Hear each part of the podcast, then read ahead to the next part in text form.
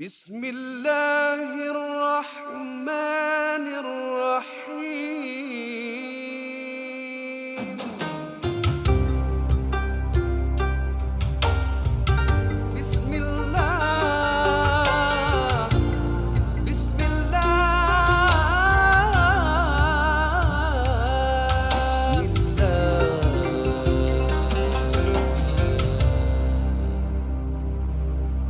Assalamualaikum warahmatullahi wabarakatuh. Saya Nadia Mdin dan bersama saya ialah Ustazah Kalthum Esa. Ah, kalau you all yang today is your first time, uh, first episode you all dengar, jangan terkejut. Okay, so basically Ustazah Kalthum Esa baru sahaja join kami di NJU Podcast Muslimah dan she's been amazing. I love you Ustazah for all the I love you too. You so sweet Ustazah. Later I give you kiss, okay? Okay, Then I give you prata and I make for you nasi lemak. Cik gitu tau. Boleh, boleh, boleh. Macam-macam eh. Okay. Boleh, boleh. okay sebelum tu kita I pun nak cakap you all that uh, jangan lupa memandangkan kita akan menghampiri juga uh, Hari Raya Haji. Hmm, bah. okay. So kita NJU juga ada korban services. Okay kalau you all nak melakukan ibadah korban bersama NJU. Um, Sila lungsuri ke laman www.nju.sg slash shop. Okay, Ustazah, are you Yeah. ready? Yes, I'm ready. What's that word, Ustazah? On eh, apa tu? On to On- the, On, to the show. show. oh, on to the show.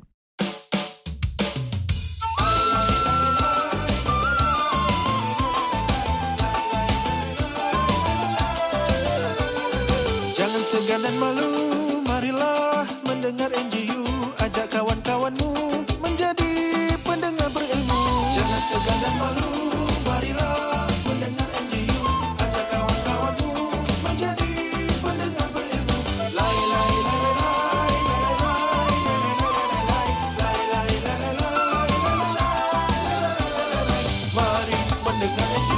Deng deng deng deng deng deng deng. Ah, Ustazah, I nak interview you tentang lagu ni. You suka tak lagu ni? Boleh, boleh sedap. Very Bagus. catchy eh. Mm-mm. Upon 10 you kasih berapa?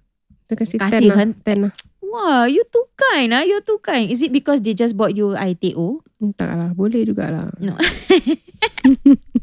Tapi sedap, bagus. Punya Ustazah, you you dulu macam waktu kecil-kecil time macam you dengar you dengar macam rentak-rentak macam ni you normally the kind when akan akan joget sikit-sikit ke macam you malu ke what kind of Tak ada, ustazah tak ada, you? tak ada, tak ada tempat lah nak joget kat rumah tu. Penuh sangat orang. Ustazah tengok ni kat tempat kita podcast yang besar Ustazah kalau you nak rogi-rogi you you you let me know I can join you okay Ustazah? Nanti, nanti, nanti kena gam pula. Eh, nanti kena Cara gam eh. pula. Alamak betul juga eh. Ha, tak boleh. tak boleh. Tak, kita dekat dalam bilik je lah buat. Oh kat bilik je eh Ha, macam Sendiri-sendiri. sendiri-sendiri macam tengok Sendirian cermin shots. berhad. Oh, private limited. Private limited. private limited joget sendiri Ustazah Kalsum Hmm. Eh. Okey lah boleh lah Ustazah. Boleh, boleh. Okay Ustazah uh, Macam uh, I nak tanya you jugalah So so far you've been with me For the past two episode Dan hari Hmm. ni insyaAllah Hmm. Alhamdulillah For the third one Hmm. So far how do you feel? Semua okay? Alhamdulillah bagus. Okay. Bagus. I like the concept. You like you like the concept Hmm. eh? Yeah Yeah, yeah yeah, Yeah. Alright guys Y'all dengar tu Dia cakap Ustazah cakap Dia suka the concept Okay so you feel comfortable lah Ustazah Ya, eh? betul. You okay lah eh? I hope yang tukang dengar pun comfortable lah. Okay insyaAllah I'm pretty sure Ustazah Because saya dengar pun Saya okay Saya happy Saya faham Jadi saya pasti Kita punya pendengar pun Akan faham Dan suka Dan happy Okay Cakap pasal suka Dan happy You know kita dah cakap tentang uh, Macam-macam lah You know Our Hmm. past uh, Hmm. podcast Kita dah Hmm, share Hmm. Tapi hari ni Topik hari ni Yang akan kita um, Huraikan dengan lebih lanjut lagi Ataupun Ustazah akan share Kongsi tentang The topic is a little bit uh, orang kata tu berat sedikit. Tetapi ini ialah topik di mana kita semua akan uh, face at the end of the day. And this topic is basically kematian okay? Death okay? So i i guess death is inevitable. Memang ia akan berlaku tak kira berapa tahun tak kira di mana apa saja. Ini semua sudah ter uh, tertulis okay? Orang kata tu macam fate is really fated. So Ustazah, actually kita ada ni satu uh, soalan daripada kita punya pendengar. So, the reason why Ustazah I pick this topic because kita banyak uh, soalan dan saya macam fikir-fikir sendiri okay Hmm. mungkin uh, sedang apa yang berlaku right now at the moment as we speak kan Ustazah di Hmm. social media mungkin Hmm. ia membuat mereka apa tu orang kata macam uh, fikir Hmm. deeper macam alamak Hmm. macam orang-orang yang apa saja yang mereka sedang berlaku di Palestin Hmm. Israel Hmm. orang Hmm. macam rasa macam Senang je orang. Kita tengok orang punya hati Ustazah. Hmm, Jiwa hmm, orang macam hmm, macam hmm. jihad gitu. Tawakal orang is so strong Ustazah. So I think this is why people start to you know question and Hmm, everything. hmm. So kita ada satu soalan daripada kita pendengar. So dia tanya Ustazah, Hmm. boleh tak you huraikan lebih lanjut lagi tentang hari kiamat? Okay. Mhm. Ada orang kata hari kiamat kecil seseorang itu ialah apabila dia meninggal dunia. Hmm. Terus dia akan menunggu hari kiamat yang sebenar di dalam kubur. Tapi waktu tu dia belum pasti lagi kalau dia akan mas, uh, ditimbang dosa, reward atau belum. Ataupun dia akan Ataupun kalau sudah, adakah dia akan ke jannah terdahulu atau neraka atau dia harus tunggu waktu betul-betul hari kiamat baru dia boleh masuk ke neraka atau syurga. Tahu tak Hmm. Ustazah? Actually aku pun nak tahu ni soalan ni. Thanks eh. Okay. Baguslah kalau ada soalan-soalan macam itu Mm-mm. uh, nak ingatkan kita balik kepada hari hari terakhir akhir kita kan. Yes. Eh, dan dan sebenarnya kalau kalau Nadia uh, cakap pasal orang mereka-mereka yang dekat Palestin kenapa orang kuat sangat eh. Mm-mm. Kita tak payah tengok sampai kat Palestin lah. Kita tengok dekat negeri kita je. Mm-mm. Eh? Kita tengok uh, beza tak antara kita sebagai rakyat yang berbilang kaum kat sini Mhm. dengan mereka yang duduk semua satu satu apa tu etnik satu bangsa. Mm. Misalnya orang yang dekat negeri-negeri Arab kebanyakan Arab lah kan. Mm-mm. Tak ada bercampur-campur macam kita macam ada Chinese, ada Malay, ada Indian semua kat Mhm. sini. Mm. Kan? Sama tak Nadia rasa uh, pengalaman yang macam kalau saya duduk kat Mesir dulu Mhm. dengan saya duduk kat Singapura. Mm. Beza tak? Mm, no, I think it would be very different. Very different kan? Mm-mm. Beza lah maknanya kan? Yeah. Berbeza kan? Kita uh, pergi mana pun rakyat Singapura pasal kita dah terbiasa dengan keadaan kita macam gini. Mm-mm. Kita lebih kuat bila kita pergi mana-mana pun. Kita Hmm. boleh just adapt kepada uh, siapa lah kalau bangsa lain kat sebelah kita pun. Mm. Kita boleh begitu. Eh? Kita boleh menerima. Mm-mm. Tapi orang yang satu bangsa dia begitu. Kadang-kadang dia Hmm. nak pergi ke negeri kita yang macam gini. Kadang-kadang dia rasa macam susah lah nak duduk dengan orang Hmm. bangsa lain. Eh? Mm. Dia, dia, dia apa tu dia rasa macam uh, lain macam lah. Uh, dengan orang ni makan apa. Hmm. Uh, orang ni thinking apa. Hmm. Weird thinking ke apa. Tapi kita rakyat Singapura ni kerana keadaan kita berbilang kaum macam gini. Uh, disebabkan itu kalau ada perkara-perkara yang berlaku yang sampai bias eh antara satu sama ataupun orang kata apa tu uh, mandang Memandang uh, kulit. mandang kulit apa tu Racism. racist ah Hmm. racist ah. Hmm. anak-anak kat rumah ni Hmm. selalu buat tu ah Mm. walaupun kadang-kadang terletak pada tempat yang salah pun dia mak ni racist tau mak Ah, yes. Ha, yes. kita cakap pasal muka kau macam itu mak ni racist. Eh, Bila masa pula racist kita yang bersalinkan dia dia Hmm. pula racist kan. Buat racist kat Singapura ni kan orang-orang pening tau macam mana kau boleh rasa macam gitu sedangkan kau Hmm. daripada kecil kan duduk Hmm. dekat sekolah ha? Mm. kat sekolah sama-sama duduk kat kantin dengan bangsa lain betul tak Mm, mm, mm, kenapa bila besar boleh ada itu sifat pula mm. pasal kita fikir kenapa apa yang membuatkan dia orang menjadi macam itu takkan macam itu punya pasal apa kita daripada kecil biasa Mm, mm. That's why kalaulah kat Palestin tu mereka sentiasa dihadapi dengan perkara-perkara yang demikian itu yang membuatkan mereka dah lali lah perkara Hmm, tersebut eh dah hmm. biasa Mm, mm. dan kelebihan Tuhan berikan pada mereka berbanding dengan kita Mm. dan kalau kita pun dalam keadaan negeri-negeri yang terancam juga kita akan react manusia tu akan dia akan ada antibody body dia tersendiri Mm, mm. Allah bekalkan eh, macam itu itu juga kita sebenarnya kalau kita tengok dari segi psikologi terms Mm, lah mm. dan balik kepada soalan uh, kematian tu ataupun Mm-mm. kiamat, Mm, uh, perlu juga Nadia dan para pendengar sen- sendiri uh, fikirkan, pernah tak soalan tu terjadi pada diri Nabi sendiri? Orang tanya. mm. Nadia rasa pernah pernah terdengar tak? Uh, sahabat tanya Nabi pasal bila kiamat ni? Mm, mungkin kot. Mungkin kot eh. Mm, Uh, pernah satu hari seorang tu tanya dengan Nabi tentang kiamat ni. mm, kan tapi Nabi tak cerita tak tahu pun bila akan terjadi kan mm. tapi Nabi jawapan dia adalah sangat-sangat important bagi diri kita sentiasa apa yang kau persiapkan untuk hari tersebut Mm, itu important mm. hari kiamat tu waktu Nabi hidup dia tak jumpa pun kiamat kan Mm, tapi dia sentiasa takut mm. kalau nampak macam langit hitam begitu kan dia sentiasa takut ini ke pasal ada hadis yang uh, juga mengatakan antara nabi tu di, di di diutus dengan kiamat tu seperti dua jari ni jari jari telunjuk dengan jari tengah Mm, dekat kan Nadia mm, mm. that's why nabi berhati-hati adakah ini nak kiamat. Tapi sampai dia wafat, kiamat belum, dia dia tak jadi dalam hidup dia. Betul tak? Tapi dia berhati-hati supaya bermakna apa yang akan jadi pada diri dia sebelum kiamat tiba. Hmm. Kematian. Hmm. Betul tak? Mati kan? Kematian. So kematian tu adalah satu benda pasti. Kita Hmm. akan jumpa. Kiamat tu belum tentu. Hmm. Dalam hidup kita, kita akan jumpa. Hmm. Kan? Dan banyak juga saya dulu selalu dengar alim ulama kita selalu doa. Kalau boleh janganlah aku dihidupkan sampai masa mat- masa kiamat. So it's too Eh? scary kan. Betul. Takut kita tak dapat Mm. menghadapinya. Eh. Takut waktu sebelum kiamat tiba tu ada macam-macam insiden berlaku. Dajjal keluar, Mm. Al-Mahdi yang sekarang Mm. jadi topik hangat. Correct. Dekat dekat Malaysia pun kat Indonesia orang Correct. sebut pasal Al-Mahdi. Mm-mm. Ada yang claim dia pun Mahdi juga. Mm, mm, mm, Tapi bahasa Arab tak tahu cakap. Mm. Tapi dia Mahdi. Itu yang menjadi uh, pening kepala kita. mm, mm. So apa-apa pun balik kepada basic kita. Ilmu sangat-sangat penting. Hmm. So orang boleh claim everything lah. Eh? Tapi Correct. ilmu sangat-sangat penting. That's why NGU punya konsep pun adalah untuk membangkitkan ilmu kepada pendengar-pendengar. Supaya that's apa yang kita sebutkan ni. Supaya you tak jadi tertekan. Hmm. Pasal ada ibu-ibu sekarang yang uh, wanita-wanita message saya tanya pas orang sampai naik takut tau takut kiamat ni. Hmm. Eh, lagi-lagi yang tahun masa eh, tahun lalu ke apa yang uh, pertengahan Ramadan tu 15 uh, Ramadan jatuh pada hari Jumaat. Kan? Uh, tem- tentang uh, apa tu uh, fenomena yang berlaku tu sampai ada asatiza dia yang dekat Indonesia ke apa sebut Indonesia ke Indonesia sebut tentang uh, benda tu akan berlaku pada 15 Syak, uh, 15 Ramadan pada Hmm. tahun tersebut. Mm, mm, Sampai mm. makcik-makcik ni dengar sampai ke hari ni mesej kita. Cakap, eh Ustaz saya takut lah Ustaz saya sampai tak boleh nak pergi kerja tau. Hmm. Saya takut ni benda berlaku. So takut tu okey lah. Tapi kalau Mm-mm. sampai menjejas hidup tu yang tak okey. Hmm.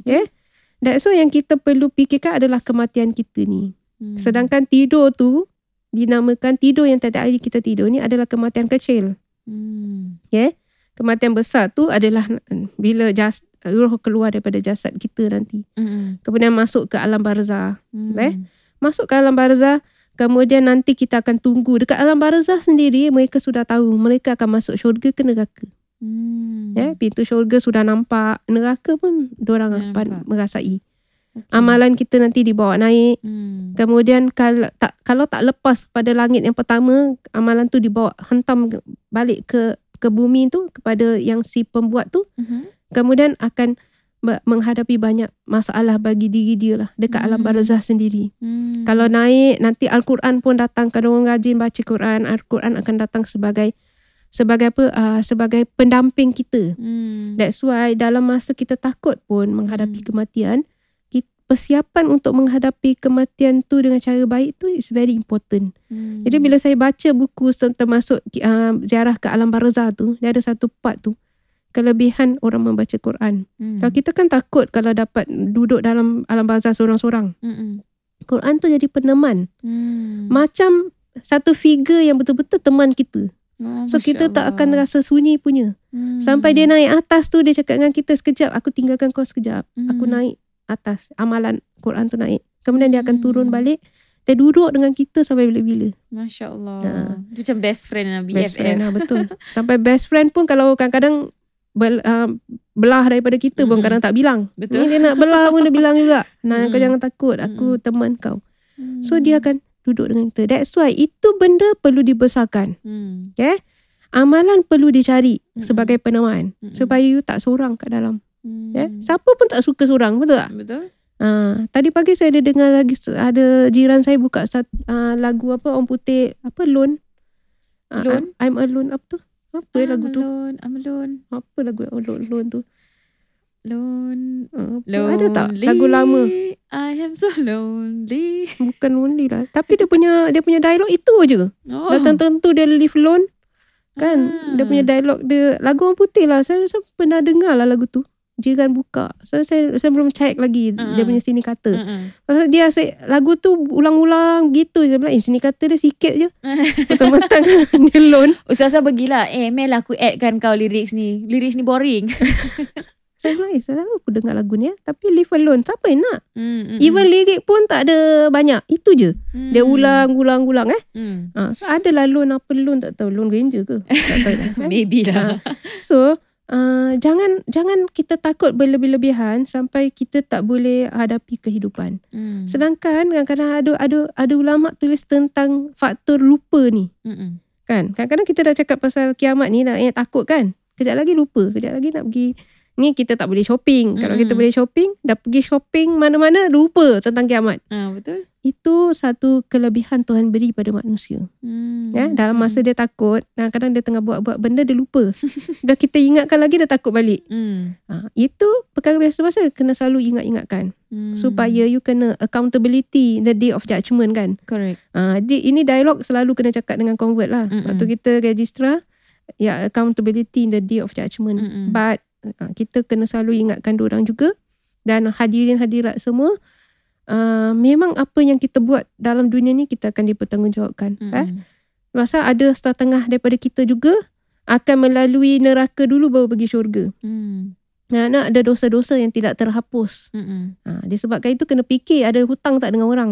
Mm. Ha, eh? Ada, Hutang eh. ha, ada hutang tak dengan orang? Ada benda Hmm. yang kita belum settle ke? Mm-mm. Ada benda tak yang kita belum minta ampun kepada Allah Subhanahu Taala? Mm-mm. Satu benda yang kadang-kadang Nadia kita kena fikir, kadang-kadang kita ada hutang sama manusia eh. Misalnya kita Correct. ngumpat orang, haji Money orang, ke, maki mm-mm. amun orang eh. Mm.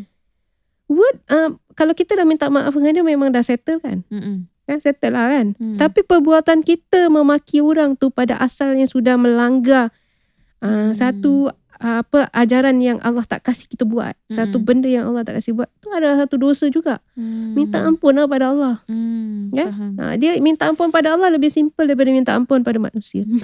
Betul tak? Betul. Ha, tak Allah astagfirullah ya Allah. You you you identify your your mistake. You you you you cakap ya Allah ini aku dah buat. Eh? Aku dah buat orang ni macam gini gitu-gitu lagi sekarang dekat media sosial banyak orang boleh buat dengan orang dosa Mm. senang-senang aja. Mm-mm. Lagi banyak tau Correct. bertimbun-timbun. Betul. Eh? Kita kita kita buat sampai kita tak sangka benda-benda perkara tersebut yang kita Mm-mm. sudah lakukan kepada orang. Mm-mm. You, you minta ampun pada Allah is very simple. Minta Mm-mm. ampun dengan manusia lagi kadang-kadang dia cakap saya belum lagi nak ampunkan dia. Mm-mm. Ya, dia Wah, ambil sesuka suami saya, ha, dia dah snatch suami saya. Lepas tu dia nak minta ampun pula, dia nak Mm. minta maaf pula. Eh. Uh, I'm not, uh, saya belum lagi bersedia nak Mm-mm. mengampunkan dia. Mm. Itu hak dia lah. Mm-mm. Eh?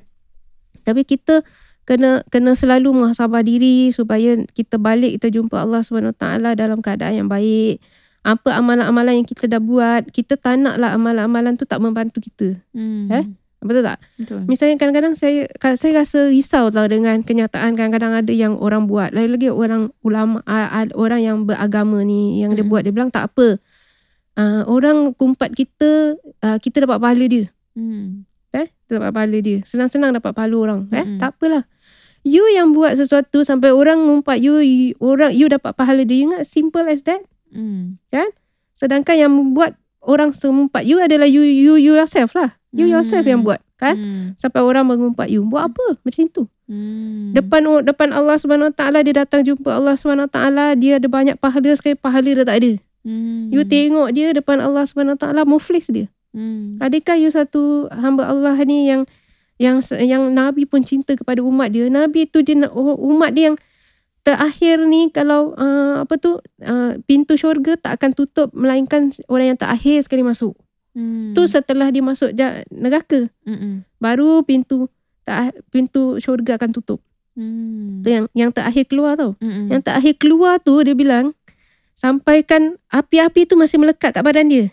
Mm. Dia tahu tak kadang-kadang ada cerita kadang-kadang kita tengok cerita-cerita orang putih ni kadang-kadang kan api melekat psh, psh, psh, Mm, mm, kat mm. dalam badan eh. Wah, ustazah. Piu piu piu piu. Ha, itu sebenarnya dalam dalam uh, orang neraka nak keluar pergi syurga tu, Mm-mm. api tu masih melekat kat badan dia kerana terlalu terlalu Panas. apa Mm. terbakar Mm-mm. badan dia sebenarnya dah bertahun-tahun lamanya kat dalam. Mm. Nak masuk syurga tu api masih ikut lagi Mm. kan.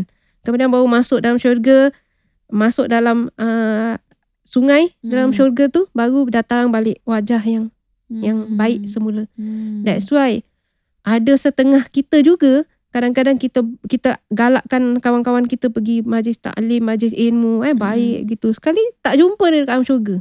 Mm. Boleh cari dia kan? Kan? Kenapa kenapa orang tu masih ada uh, dosa-dosa lagi lah ada dosa-dosa yang belum terhapus? Tapi dia Hmm. baik dari segi satu segi lah. Hmm. Ajak kita pergi sama-sama belajar kan. Mm, Cakap baik-baik. Tapi dia ada dosa sendiri yang dia tidak mm, Cover. Belum habis. belum lagi, habis ah. kan. Dia, dia tak settle lagi. Mm, That's why dia masuk neraka dulu. mm. Kemudian dah habis baru masuk syurga. Itu pun kalau akhir kalam. Mhm. La ilaha illallah. Muhammad Hmm. Rasulullah. Kan. Mm, mm, mm. Syahadah tu. Mm, That's why bila jumpa orang nak nak meninggal apa. Jangan asyik tanya. Kenal kita tak? mm. Kan? Ha, kita lah Mak Isa punya anak. Tahu ke? ha, yang gitu. Typical soalan, soalan tu eh. Orang Ha. tu dah nak nazab Ha. ke apa. Kenal, kenal. Yang very important ajar dia Hmm, syahadah kan hmm. asyhadu an la ilaha illallah pasal kita saya kaunselor untuk yang Persatuan Ain selalu jumpa mereka-mereka yang dalam keadaan yang terakhir-akhir ni. Hmm. eh orang selalu kita pegang tangan orang suka sekali nampak kita. Uh, saya kita selalu ingatkan ingat baik pada Allah. Hmm. ingat baik pada Allah eh. Uh, bersangka baik pada Allah bersangka Hmm. baik pada Allah. Dia tu diberi cabaran cubaan oleh Allah dia dah tahu bila dia nak dekat balik. Mm, Ya, banyak-banyak orang yang Allah hukum kat dunia ni. mm, mm, Even lah mengalami, mengalami kematian di tali gantung pun. mm. Dia dia Allah kasih dia peluang. Walaupun dia akan mengalami tu, Allah Mm. dah kasih dia peluang bila nak balik. Dia dah Mm. tahu kan? Mm, mm, Certain date eh. mm. Kita belum tahu tau. Betul. Dia boleh datang mendadak je. Mm-mm. Bila-bila masa saja. Yes. Muhasabah diri is very important. Tapi bagi mereka yang bertanya tadi, jangan sampai menjejas diri lah. Mm, Life must go on eh. Uh, bila you menjejas diri, you tak boleh buat ibadah pun.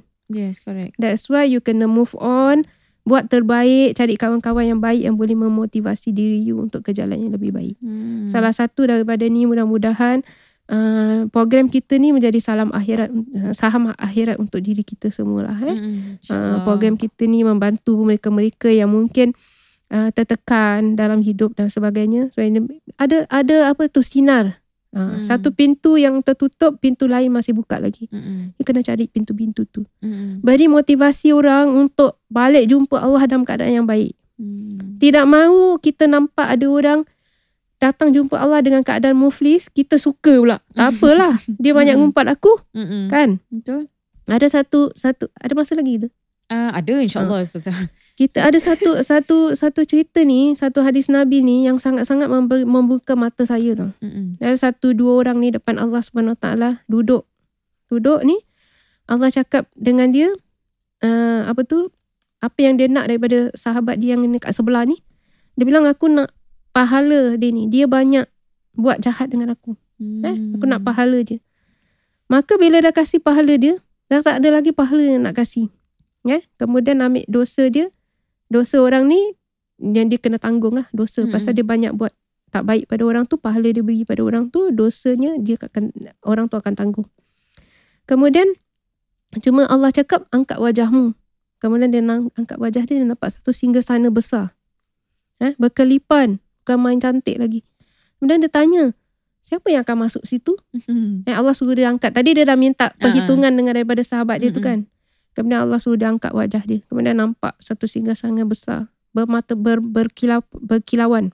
Kemudian dia tanya siapa yang masuk situ? mm, Nabi mana yang boleh masuk? mm, mm. Uh, alim ulama mana ke? Wali mana ke akan masuk? Kata Allah, uh, kau, kalau nak masuk tu kau kena bayar price dia. Mm, Datang jumpa Allah nak bawa apa? mm, Kan ada apa boleh bawa kan? Ada cek ke cash ke tak ada. Kemudian dia bilang, macam mana nak bayar?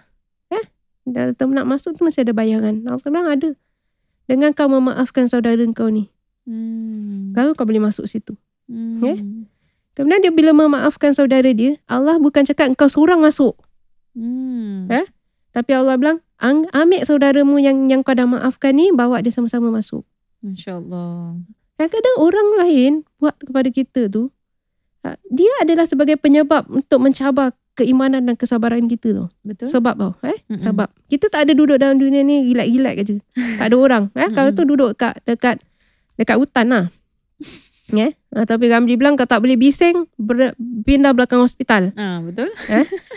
So mereka tu adalah orang-orang yang Allah ciptakan untuk mencabar kesabaran kita. Mm-mm. Dan bagaimana kita nak take it dia punya dia punya perbuatan dia lah supaya kita tu macam mana pun ah, kita nak kena sabar ke atas uh, ke, uh, perbuatan dia. Tapi sabar pun kata orang ada limit memang lah. Sebenarnya sabar tak ada limit. Mm-mm. Tapi bagaimana you handle this situation. Mm. Okay? Kadang-kadang Facebook punya member-member ni yang kadang menyakitkan hati kan just block je lah. Yes. Apa yang block boleh jadi permusuhan pula. Mm-mm. Take it take it you take it seriously dalam media sosial. You tak boleh block dia tapi you tak boleh sabar dengan keadaan dia. Dia punya cakap you tak boleh angkat. Eh? Yang kadang gitu tau. Correct. You cakap you sakit dia bilang apa lah bising-bising sakit orang lain sakit lagi banyak. Mm-mm. Ya? You bukan membantu dia. Hmm. Tapi you nak jadi friend dia. Mm-mm. Kan Facebook friend kan. You nak Mm-mm. jadi friend dia tapi you punya cakap tu tak membantu dia. Mm-mm. Tetap akan ada orang macam itu kan Nadia. Betul, ramai ustazah. Ah, kan Macam you cakap Kalau you cakap pasal you punya ni Dia cakap ah, Apalah itu pun nak bising-bising Mm, ah. Masak Orang lain pun ah, Tunjuk masak Masak Masak Yes, eh? yes. Tengah bulan puasa tunjuk masak Hmm. Yelah bulan puasa nak tunjuk apa Hmm. Bukan dia tunjuk masak Untuk you buka puasa Yeah. You masak untuk buka Uh-uh. You fikir positif lah sikit Yeah. Kenapa you asyik fikir negatif You kalau tak suka Dia asyik cakap pasal Dia punya masak je Ataupun dia asyik cakap dia pasal Dia punya habi je You Mm-mm. tak ada habi Dia ada habi Mm-mm. You tak ada B Dia ada B Mm-mm. You jangan ikutlah dia punya tu apa susahnya. Bermakna Yes. bila you block pun bukan bermakna putus hubungan. Mm-mm. Yeah. Just want to avoid the negativity. Betul. Uh-uh. Supaya you punya hati tak terkacau. Hmm. Kenapa? So simple kan. Kenapa you nak bikin you punya diri sampai ni teruk sampai nak kena tengok benda yang you tak nak? Hmm, betul. Kan? You kena jaga you punya hati lah. Correct. Kan? Mungkin ada orang yang nak tunjuk ni habi dia, ni B dia, ni link dia, ni Mm-mm. apa lagi? Macam-macam word lah. Macam-macam lah. Macam-macam lah Dia whatever lah, lah. dia lah, honey lah. Eh, Mak saya sampai tanya tu apa benda tu? tu short form mak. Ha, kan mak kita pun. So bila kita duduk dengan orang tua-tua pun benda-benda ni pun sensitif. Dia dia orang macam naik geli pula dengar kalau kita sebut link ke link. Hmm. Ha, macam ah kan. link, come here link. Ha, kan dia pun tak nak. So kadang-kadang orang di luar tu dia tak boleh terima lah kadang-kadang kita punya cakap tu. It's okay lah just block lah. Mm-mm. Kan? Supaya apa? You tak kacau hati you. You Hmm. tak sampai sakit hati, bengkak sampai you hina dia nanti you marah dia sampai you keluar kata-kata yang tak sepatutnya. Betul. Dah Kenapa? menambah dosa. Ha, betul. Kerana kita balik nanti nak jumpa Allah Taala, kita nak minta maaf kepada semua orang susah. Betul. Terlambat ustazah. Ha, betul. Zaman dulu kita buat jahat depan-depan, Mm-mm. kita boleh cakap eh, kita boleh tahu siapa individunya yang kita dah buat. Yes. Zaman sekarang Mm. worldwide tau. Mm-mm. Semua orang dengar dan semua orang tahu. Dan you meng- mengecikkan hati dia, you pun tak tahu siapa-siapa yang you cakap kan. Mm. Even kadang-kadang kita cakap, meroyan ke apa kau ni? Mm. Meroyan pun ada setengah pregnant woman tak tak suka tahu word tu. ha? You apa? You you sindir kita ke? Uh-uh, kan? Betul. Padahal itu word aja Mm-mm. yang describe orang ni yang macam uh, apa? Macam bergedek-gedek lah. Macam gitu. tak boleh angkat lah macam tu kan. Macam tak boleh angkat. You meroyan ke apa? Uh-uh. It's, it's just a word. Yeah. But sometimes even people cannot cannot take it. Betul. Betul tak? So just make, make it easy lah for Yeah. you. Macam mana you nak friend dia so easy? Uh-uh. Make Apa it dia easy. easy, easy lah. You nak friend orang easy kan dekat Uh-uh, Facebook? Uh-uh. Add Kadang- je. One button je. Ha, you nak kena hantar proposal ke? Tak payah. Ha, nak proposal saya tak, saya tak kena Uh-uh. awak. It's very easy. So easy yourself lah. Kenapa you nak pening-peningkan kepala? Mm-mm. Betul. Nah, bukan bermakna kita block orang pun kita putus hubungan kita. Kita memutuskan hubungan pula. Yes, ha, betul correct. silaturahim kan? Mm-mm. So make it easy lah. Jangan Betul. jangan benda-benda ini menambahkan dosa kita. Nanti kita balik jumpa Allah is very berat nanti. Mm-mm, Eh? Betul. Okay. Terima Ah, kasih okay. Ustazah Boleh. for all the advices. Ya, kita akan mengambil uh, sedikit break. Meanwhile, I akan let you all know tentang kita punya NGU Kurban. Okay, kalau you all nak, you boleh menempah di www.ngo.sg slash shop. Okay, so more details ialah kurbannya mengadakan di uh, negeri Kenya dan juga di Indonesia.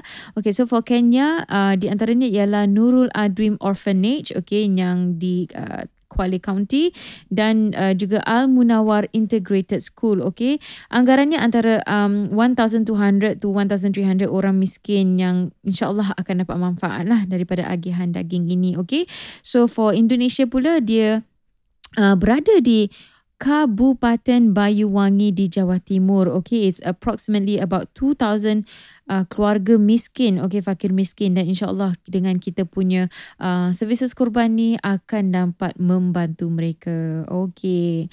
Alright Ustazah, Hmm. um, we're going to our last question sebelum Okay. kita akhiri sesi kita ini. Bring it on. Okay, so uh, soalannya ialah uh, mana ni?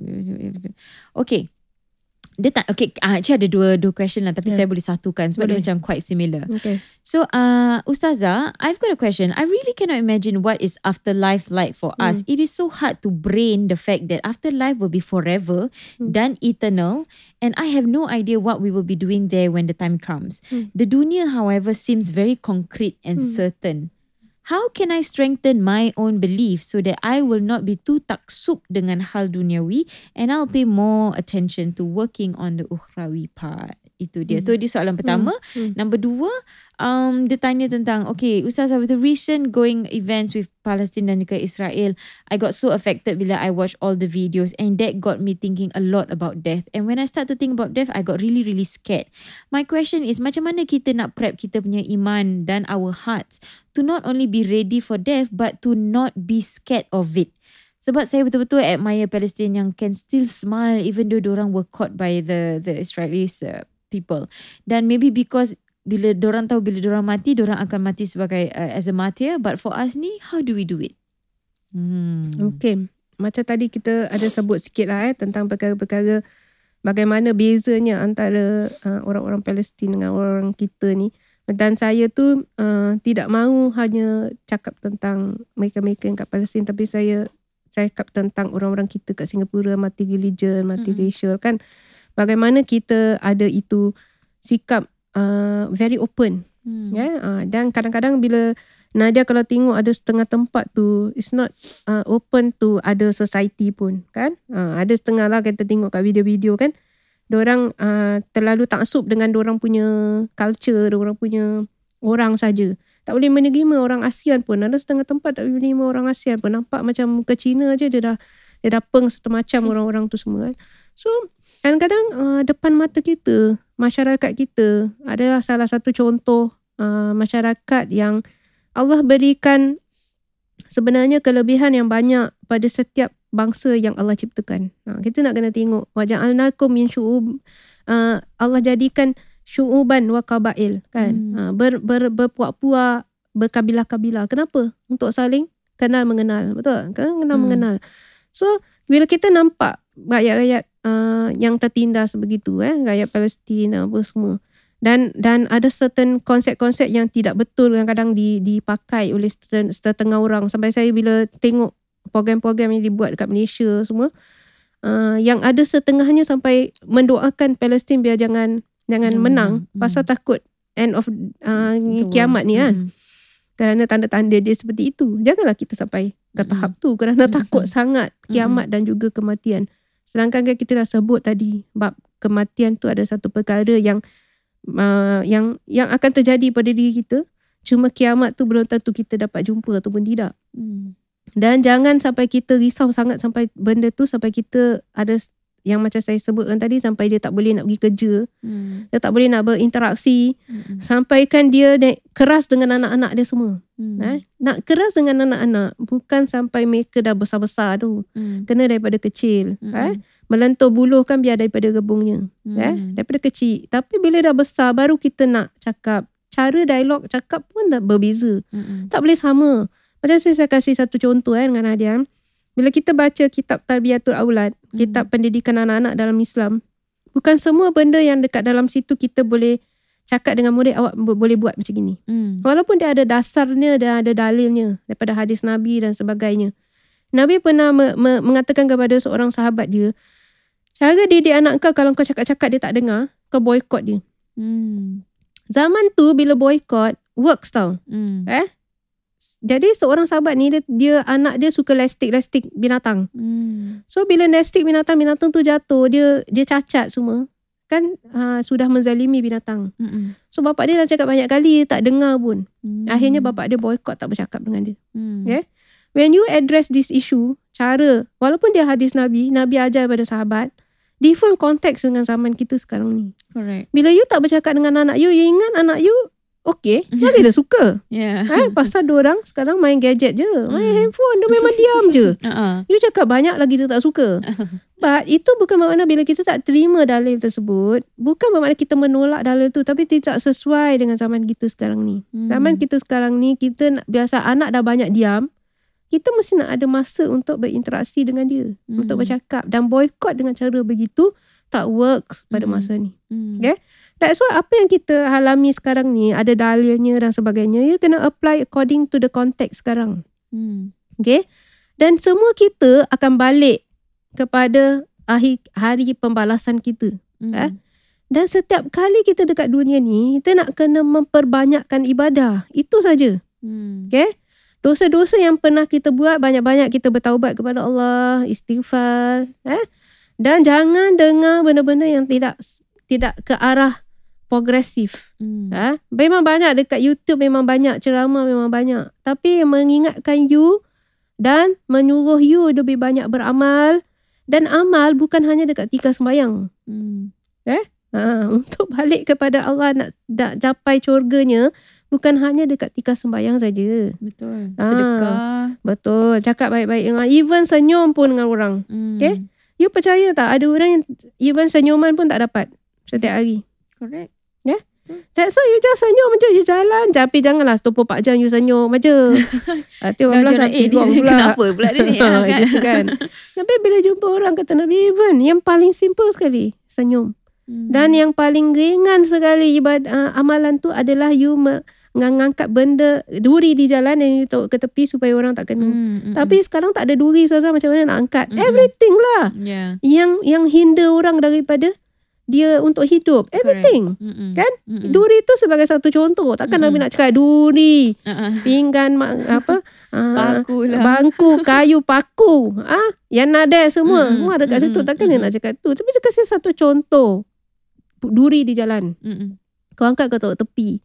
Tapi bagaimana berapa banyak orang dalam hidup ni meletakkan berbagai jenis duri di, di hadapan orang untuk hidup. Hmm. Tak kasih peluang pun Hmm. untuk hidup kan. Berapa banyak. Mm-mm. Even kadang-kadang you cakap dengan oh, you you apa body shaming orang eh. Mm-mm. You cakap kenapa you punya baju badan you macam ini? Mm-mm. The whole day orang tu di, depressed. Correct, correct. Itu saja. Hmm. Cubalah you cakap benda-benda yang positif supaya di sehari dia tu Happy. happy. Mm-mm. kan? Mm-mm. Ah, Jangan pula lah dia gemuk you cakap dia kurus. Dia tahu you sindir dia. kan Dia tak? kena dia kena betul jugalah kan. Ha, dia tak boleh macam you you you macam mana you nak address uh, you nak cakap dengan dia yang benda ada benda you boleh cakap ada benda you tak boleh cakap Hmm. okay yang you cakap benda tak important sampai depressed the whole day buat apa Hmm. itu pun adalah amalan dan ibadah yang you boleh buat you Hmm. mesti nak kena buat lah you nak kena eh mana benda you boleh cakap dengan orang mana benda Hmm. you tak boleh cakap eh you you you apa tu itu semua akan mendatangkan pahala bagi diri kita Hmm. Pasal hablum minallah dengan hablum minannas. Cinta Hmm. pada Allah, me- mengikut apa Allah arahkan pada kita dan cinta sesama kita. Hmm. Cinta sesama kita ni, cinta kepada Allah tu boleh kita dapat dekat amalan-amalan eh. Puasa, solat, puasa, zakat, haji. Ya? Hmm. Tu yang boleh kita rukun iman. Rukun iman, rukun Islam. Dan kita perbaiki. Hablum minannas ni macam mana? Mm-mm. More than that Antara tau. human, yes. more than that interaction interaction body kita punya kita punya apa uh, kita punya Body cara language. body language kita eye to eye contact you tak suka orang you you tak nak tengok muka dia waktu dia cakap Hmm. kan you tak you tak tengok orang waktu orang cakap dengan you you tengok tempat lain Hmm. apa dia punya feel Mm-mm. ada tak surah yang macam gitu Hmm. surah yang datang orang buta tu apabila nabi bermasam muka apabila datang orang buta Hmm. Ada tak uh, ingat surahnya? Abasa kan? Surah bermasam muka. Kan? Apabila datang Nabi bilang Allah bilang kenapa kau bermasam muka apabila datang orang buta? Hmm. Allah Allah ingatkan nabinya lah. Mm-mm. walaupun perbuatan nabi tu na- nabi waktu itu adalah manusia macam kita juga.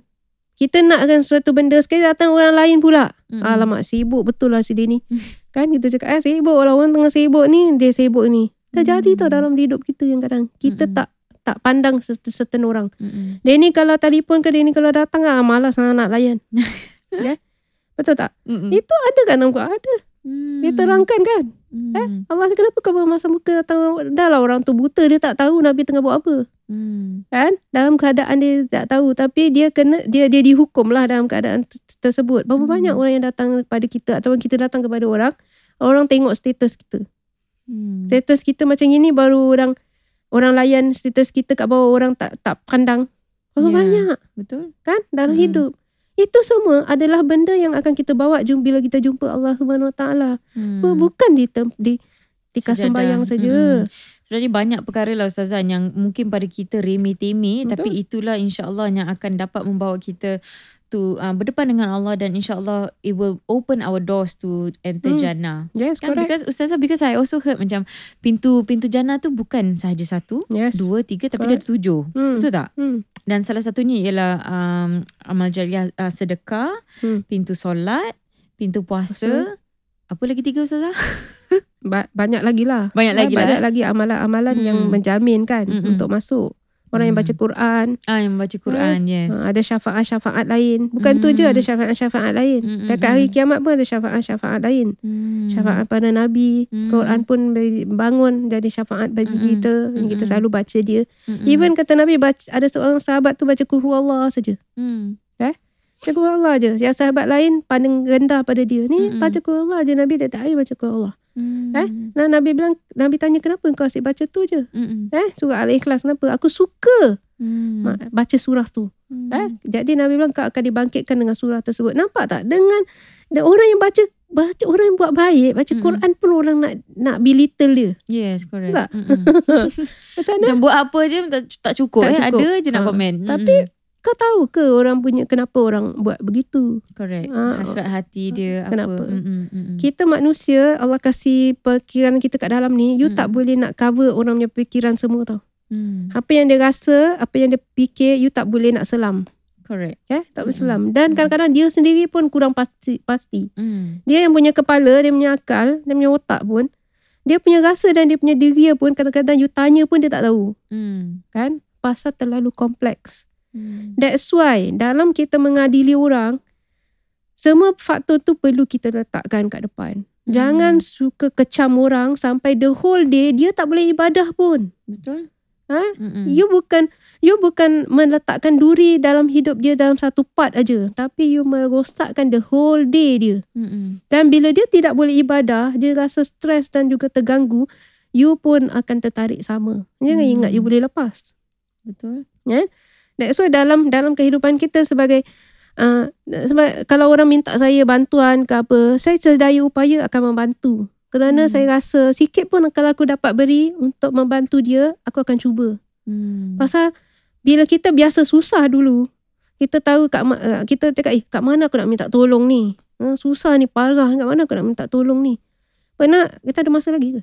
Ah, ada lagi satu minit. Ya, satu minit, satu minit cerita ni tak boleh. Cerita ni memang panjang. Ah, tak apa Kena Ustazah. Banyak lain- cerita lain kita kali. boleh share kongsi. Tapi Lain tak apa kali. Ustazah. Thank you so much all this Eh? while for all your sharing. Saya memang sangat-sangat um I I feel that I'm sitting here and I'm learning a lot Ustazah. Alhamdulillah. So I hope this also applies to kita punya uh, listeners dan kepada anda berdua yang tadi tanya tentang um you know what's life in, in akhirat and apa agaknya yang kita boleh lakukan di duniawi ini untuk uh, memper apa tu orang kata macam to prepare us for the hereafter. Seperti apa yang Ustazah Kalsum uh, Isa telah mengatakan bahawa kita buatlah banyak amal ibadah. It doesn't matter it doesn't mean yang kita cuma membuat solat sahaja bukan sahaja rukun iman tetapi lebih daripada itu as im, as simple as easy as even picking up something that will prevent other people from falling into danger dan Hmm. juga senyuman itu ialah satu sedekah. You see how is actually Ustazah Islam ni macam very simple Itulah dia Ustazah. yang yang orang yang tanya soalan tu sebenarnya memang Allah dah buka kebaikan untuk diri dia. Hmm, betul betul Eh, betul. Mm-mm. sebenarnya uh, Allah dah tunjukkan dia jalan dia perlu cari lebih daripada itu. Hmm. Ya? Pasal dia berani nak tanya, dia ada terfikir perkara Mm-mm. tersebut. Yang Mm-mm. kadang-kadang ada orang tak terfikir pun. correct, Ha, correct. itu yang cukup bagus bagi diri dia. Baiklah, Ha, itu tepukan dia. untuk diri dia. Yay. okay, jadi terima kasih semua kerana masih bersama kami di podcast uh, for today. Dan sebelum saya akhiri, I nak cakap dengan you all lah that kita punya podcast dibawakan oleh NGU Korban. Okay, kalau you all nak melakukan um, ibadah kurban bersama NGU sila ke uh, uh, sila ke website www.ngu.sg/shop okay i hope to see you guys soon again next time. Wabillahi taufiq wal hidayah. Assalamualaikum warahmatullahi wabarakatuh. Kepada